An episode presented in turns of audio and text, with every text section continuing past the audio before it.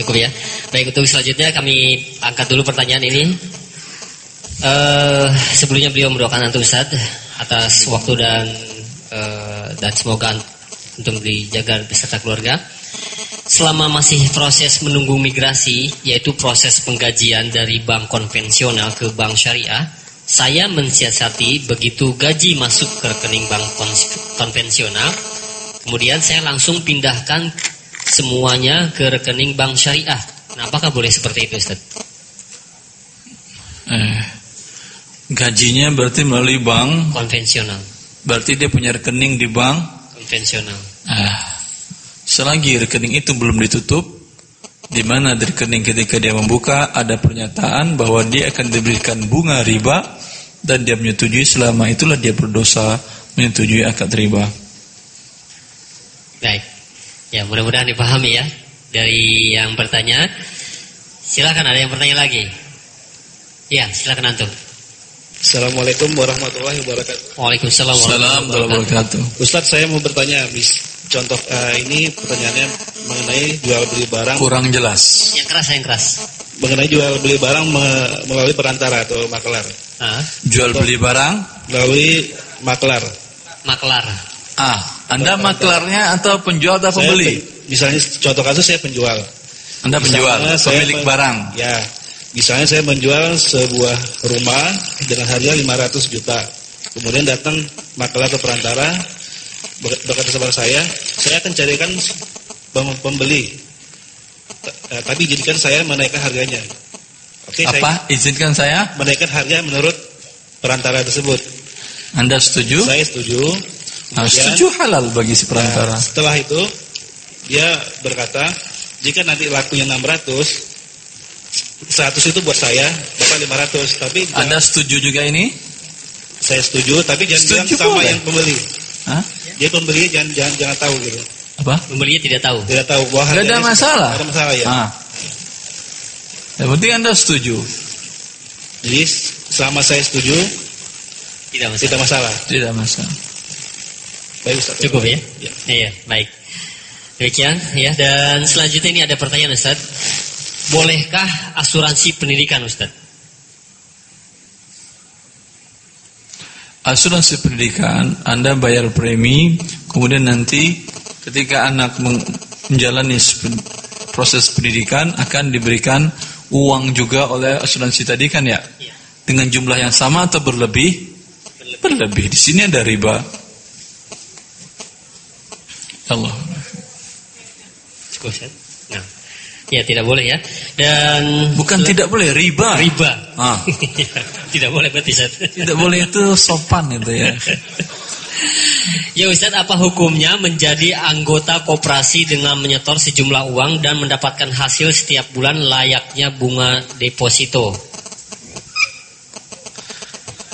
Layaknya bunga deposito memang seperti bunga deposito dia nyetor apa keanggotaan nanti setiap bulan mendapat pertambahan layaknya deposito maka hukumnya juga haramnya seperti sama seperti deposito.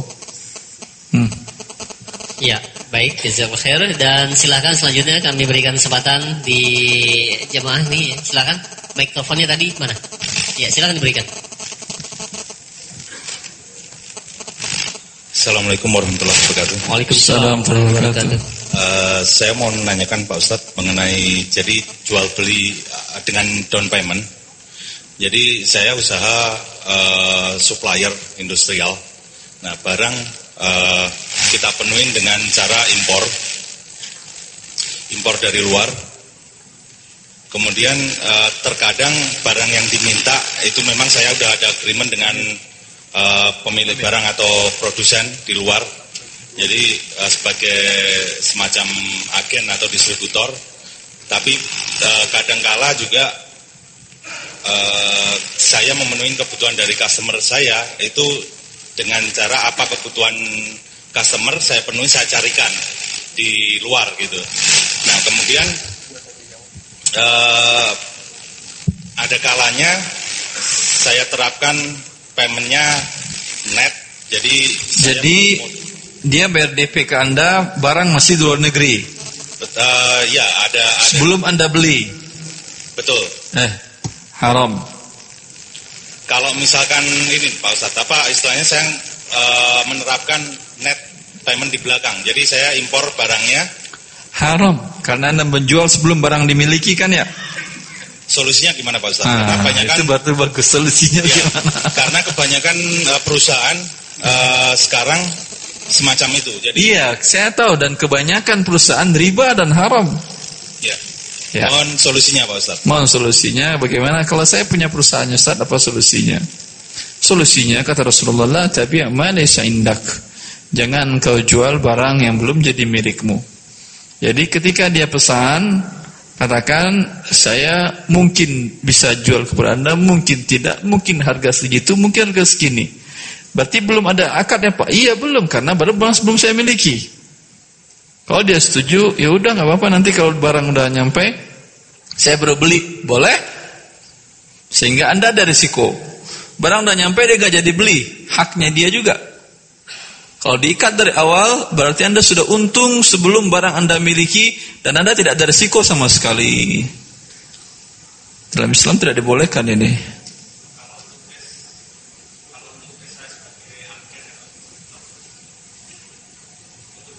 Sebagai agen. Jadi uh, bila Anda agen dari luar negeri, ya. setiap Anda mengirim menerima barang dari mereka, apakah harus dibayar di depan atau nanti kapan-kapan?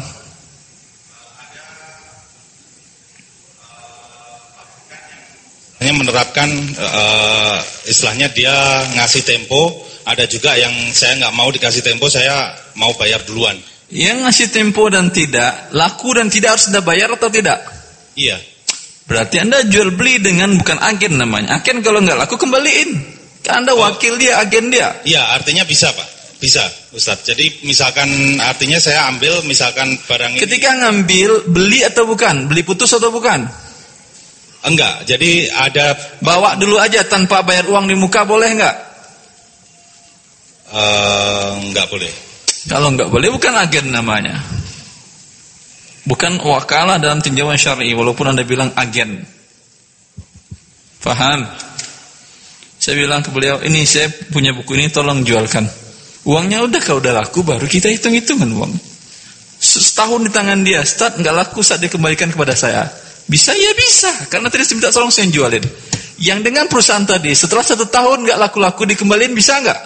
Bisa untuk item yang nggak. Bisa untuk item, berarti sebagian item bisa, sebagian tidak. Bukan. Yang bisa ah ini wakalah dan boleh. Yang tidak bisa ini harus jual beli putus dan maka hukumnya adalah haram mendapat keuntungan. Jadi intinya uh, yang bisa retur itu yang uh, halal ya Ustaz ya. Bukan return, bukan dikembali, bukan kembaliin barang tukar barang, dikembaliin. Saya udah nggak mau jadi dari agen. Ya udah. Kalau mau ambil barang dari sini, risiko dia karena barang-barang dia bukan barang si agen. Uh, sebenarnya solusinya terus terang masih ini untuk solusinya eh untuk banyak usaha bisa jalan gitu Ustaz. Allah. Pun kapan nanti tanya lagi lah. uh, saya tertarik mungkin uh, untuk ada sekolah sekolah muamalat yang Ustaz ini. Silahkan. Kita mau buka sekolah muamalat di Tanah Abang. Mau untuk ikut? Masya Allah. Jasa Jazakumullah. Iya. Iya, jika ingin bertanya lebih puas lagi, nanti bisa ditanyakan langsung ya di ya, luar kajian ini. Selanjutnya ini ada pertanyaan, ya Ustadz, jika saya ingin membeli kendaraan dengan harga 200 juta, kita hanya mempunyai uang sebesar 150 juta, kekurangan 50 juta dan pinjam dari seseorang dicicil selama 10 kali dengan setiap bulan dibayar 5 juta. Jika yang meminjamkan uang itu mau melebihi pinjamannya, bagaimanakah cara yang syar'inya Ustaz? Maksud hati ingin membeli mobil harga 200 juta. Apa daya terkumpul uang cuma 150 juta, kurang 50 juta lagi. Bagaimana solusi halalnya Ustaz? Solusi halalnya beli mobil 150 juta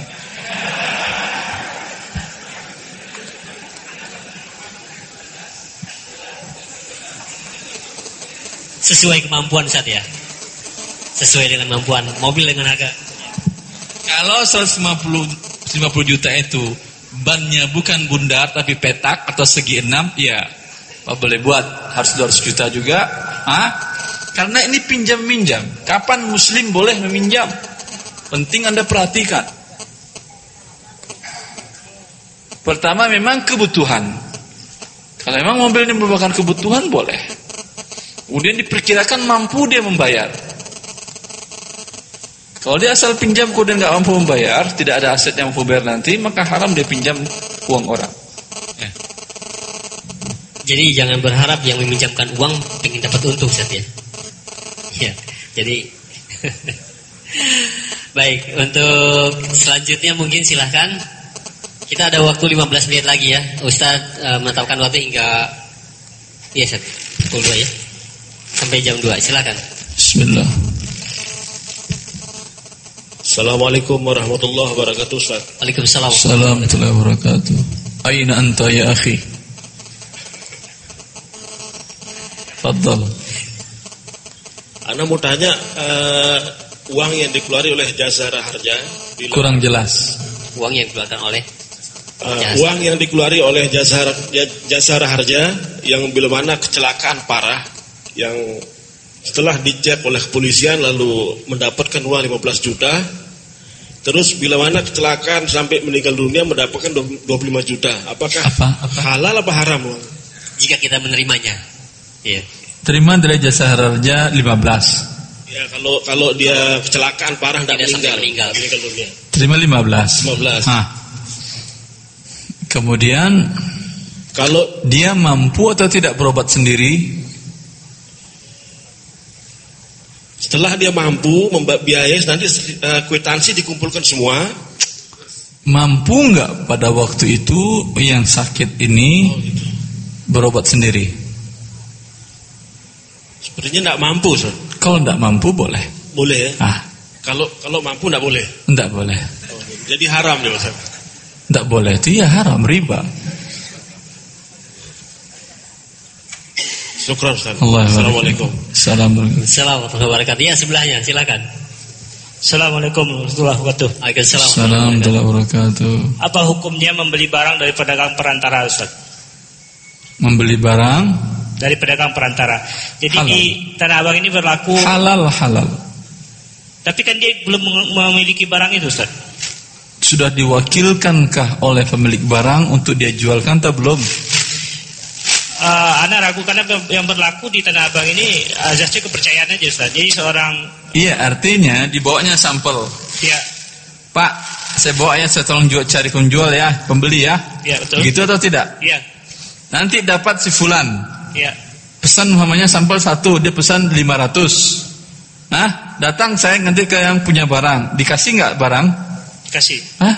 Berarti dari awal dia sudah setuju akan dikasih barang tanpa uang cash di awal.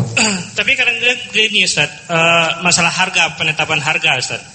Jadi eh, si pedagang perantara biasanya kan menjual lebih tinggi dari harga si pemilik barang Ustaz. Betul. Nah, kita bertransaksi dengan si peran- perantara. Nah, di saat itu kan terjadi transaksi tawar-menawar. Nah, Ya. pada saat tawar-menawar itu kadang-kadang eh, kita kan nggak tahu pasti dia itu betul-betul menawar ke pemilik barang atau tidak, atau dia hanya memutuskan harga sendiri. Sementara barang kan dia belum memiliki barang itu, Ustaz. Kan sudah diizinkan dia oleh pemilik barang.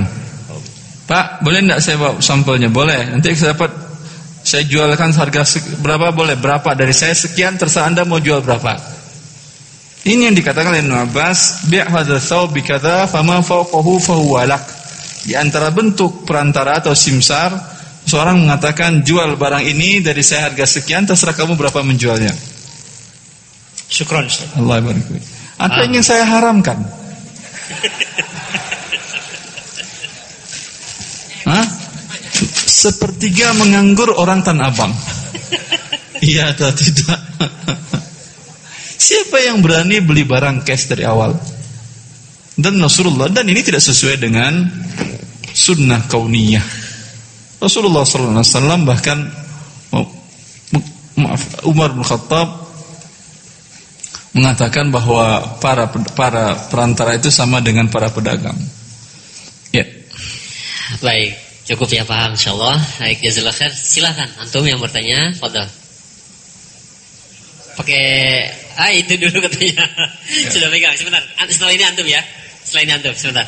Assalamualaikum warahmatullahi wabarakatuh. Waalaikumsalam warahmatullahi Salam wabarakatuh. Ini melanjutkan pertanyaan Bapak di belakang tadi menjual barang yang belum ada, Ustaz. Jadi saya kebetulan ada toko punya konveksi.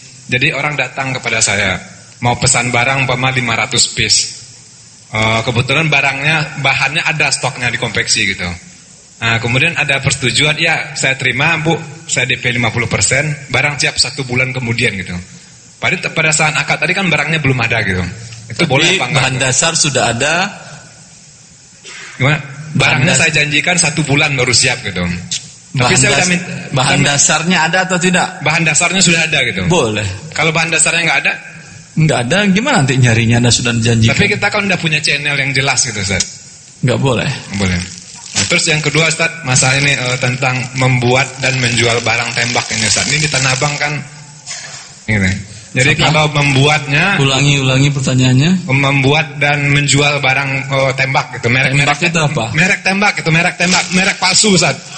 Oh, Merek palsu. Allah. Jadi kalau membuatnya gimana tuh, Ustaz? Kemudian yang menjual Membuat juga merek palsu. Ya. Meniru merek orang. ya. Hah?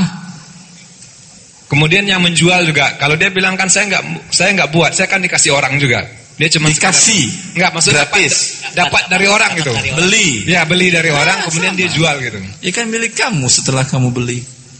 Jadi hukumnya gimana saat yang untuk menjual dan membuat? sebentar, gitu? sebentar, sebentar. Kalau Anda punya merek. Nama mereknya itu apa kira-kira? Aldora. Aldora. Sudah naik tinggi. Saya bikin merek Aldora juga. Saya mirip-miripkan bentuknya. Anda ikhlas? Tidak. Tidak. Begitu juga orang yang Anda tiru mereknya. Ini bagian dari merampas hak orang lain. Harusnya saya izin ke Anda kan? Bayar royalti, bayar royalti. Begitu kan ya? Paham? Paham. Walaupun belum dihak paten. Nah, barang impor yang berada di Tanah Abang ini kan yang Adidas, Nike itu rata-rata kan itu Saya tidak tahu. Saya tidak tahu. Yang jelas, kalau Anda tahu bahwa orang itu barang palsu, tidak boleh Anda menjualkannya. Cukup? cukup Ustaz. Saya tidak bisa menghukumi bahwa di sini saya nggak berani.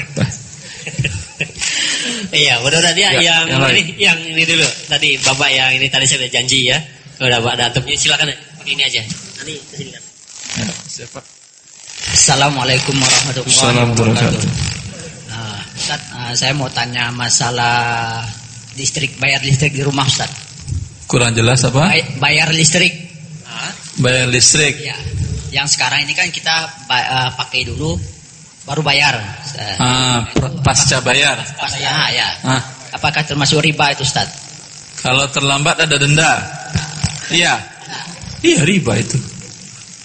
Lebih amannya set. Ah, lebih amannya ambil yang prabayar. Terlambat langsung padam. yang pakai pulsa itu Ustaz ya. Ya betul. Paham ya? Baik, silakan. Assalamualaikum.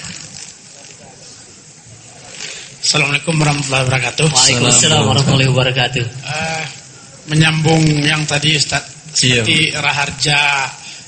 Ini sebenarnya asuransi itu boleh nggak Ustaz? Tidak boleh. Cukup. Cukup Pak.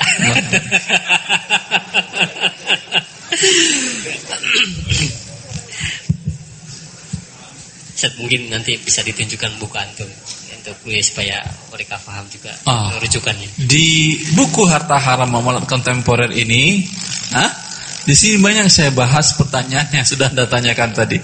Termasuk asuransi, ah, bank konvensional dan lain-lain. Banyak, banyak, banyak. Ada sekitar 300 kasus lebih saya bahas secara tinjauan syar'inya.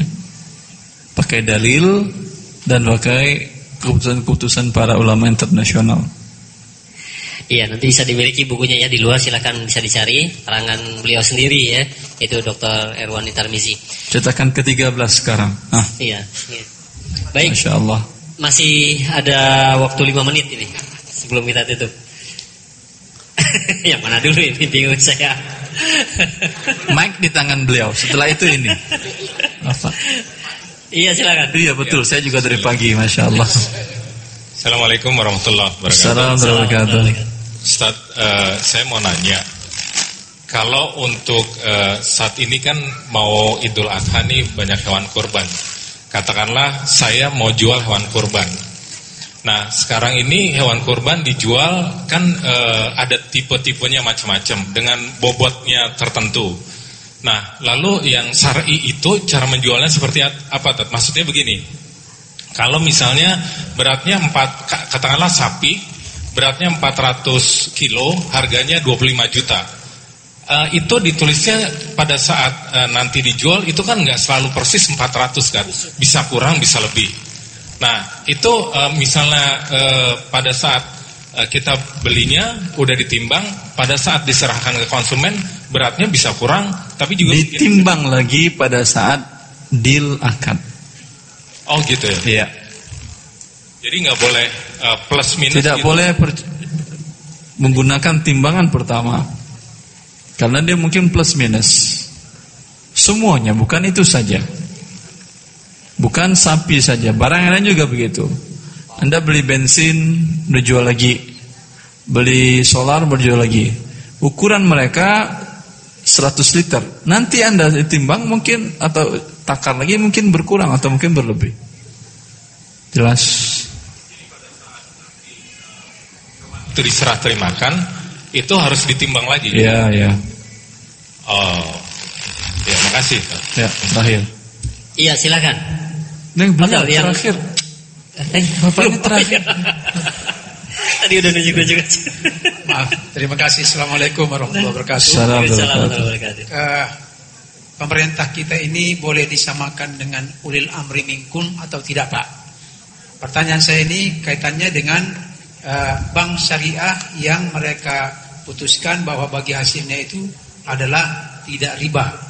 Jadi sebagai orang awam, rakyat ini mengambil bagi hasilnya itu dengan kepercayaan bahwa itu ditentukan oleh ulil amri. Apalagi di situ ada dewan syariah.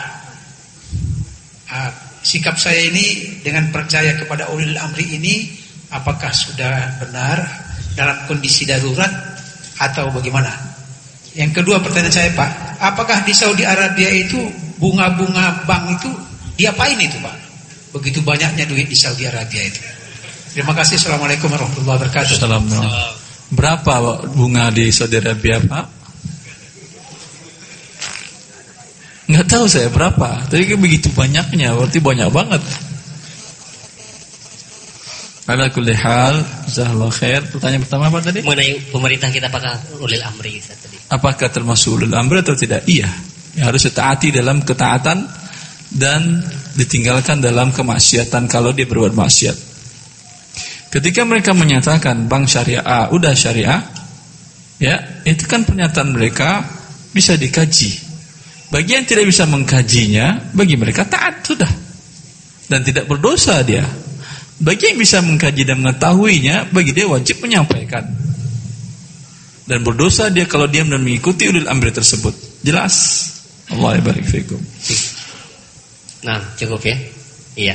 Silakan. Terakhir ya. Iya masih. Terima kasih Ustaz. Assalamualaikum warahmatullahi wabarakatuh. wabarakatuh. Pertanyaan saya singkat berkaitan dengan teks amnesti. Uh, kita tahu pemungut dan penerima pajak di neraka tempatnya. Sikap pemungut kita dan penerima pajak. Sikap kita di mana bayar nggak pajak itu? Di mana tempatnya? Saya dapat broadcast hadis soal pemungut dan penerima pajak di neraka La yadkhulul jannata sahibu maksin. Ya. Tidak masuk surga. Masuk surga ah, pemungut. Anda bilang di neraka. Ya ada broadcast broadcast selanjutnya lah, sumpah. Sumpama Kata Rasulullah tidak masuk surga. Ya. Sahibu maksin. Diriwayatkan oleh Abu Daud disahkan oleh Syalbani. Ya. Maks adalah orang yang menarik upeti dari para pedagang dan lain-lainnya yang masuk ke sebuah pasar. Mukus. Ya. dan pajak bagian dari itu. Karena pajak distribusi dan lain-lain bagian dari itu. Maka tidak masuk surga dia Rasulullah yang bilang. Iya. Penariknya. Iya. Nah berkaitan dengan yang ditarik apa boleh buat pasrah. Kalau enggak jangan jualan. Ya. Nah sikap kita berkaitan teks amnesti ini kita bayar apa enggak? Itu intinya. Di amnesti itu dimaafkan kan ya? Kok dimaafkan berarti nggak bayar? Tapi sosialisasinya disuruh bayar. Ah, disuruh bayar sekian, diperkecil begitu. Ah, terserah anda, anda mau bayar bagus, tidak mau bayar dikejar-kejar oleh berwenang. Makasih Ustaz. Allah Jazakallah. Ada dua menit lagi waktu. Dua menit lagi. Iya, Fadal. Antum. Ya, terakhir. Bismillahirrahmanirrahim. Assalamualaikum warahmatullahi Assalamualaikum warahmatullahi wabarakatuh. Uh, Ustaz, saya mau nanya. Uh, saya itu pengelola toko, Ustaz. Pengelola Toko. Masya Jadi saya kerja sama sama teman gitu kan. Teman yang punya dana. Uh, tapi ada satu ketika Dekatin mic-nya. ada satu ketika pelanggan saya meminta barang yang kebetulan punya teman saya yang lain lagi, Pak Ustaz- Ustaz. Jadi bukan dari modal toko ini. Saya jual dan saya makan keuntungannya sendiri tanpa tahu pemilik modal toko. Itu hukumnya gimana, Ustaz? Haram. Syukur Ustaz. Jazakallah. Allah barik fiik. Karena pertama tidak amanah. Kedua, Anda menjual barang sebelum dimiliki dan belum diwakilkan kepada Anda untuk menjualnya. Karena barang orang lain bukan barang toko Anda. Kalau barang toko kan sudah diwakilkan oleh pemilik untuk dijualkan. Barang lain kan tidak. Jelas? Maka solusinya untuk halal Pertama bertobat kepada Allah yang telah berlalu Dan minta ampunan kepada Allah Berapa kira-kira keuntungan yang Anda dapat Hah? Berikan kepada fakir miskin Solusinya yang kedua Solusi yang kedua adalah Nanti bila ada pertanyaan demikian Bilang kepada dia Bu saya carikan dulu barangnya ya. Oh enggak bercerita sendiri. Udah di sana bu. Jelas. Sampaikan ke dia Saya terkadang ada orang pesan barang tidak ada pada anda Saya tidak bisa jualkan. Ketika saya ambil barang dari orang lain yang saya jualkan Apakah saya harus dicas fee atau tidak? Karena telah menggunakan tempat dia sebagai Sarana tempat anda berjual beli. Jelas Cukup ya? Terakhir, terakhir Eh, Terakhir ah. Ngantau itu apa ngantau Ah, ya, ya. Ngambil tempat lain. toko lain. Ah, dengan toko lain tadi akadnya apa? Bawa aja.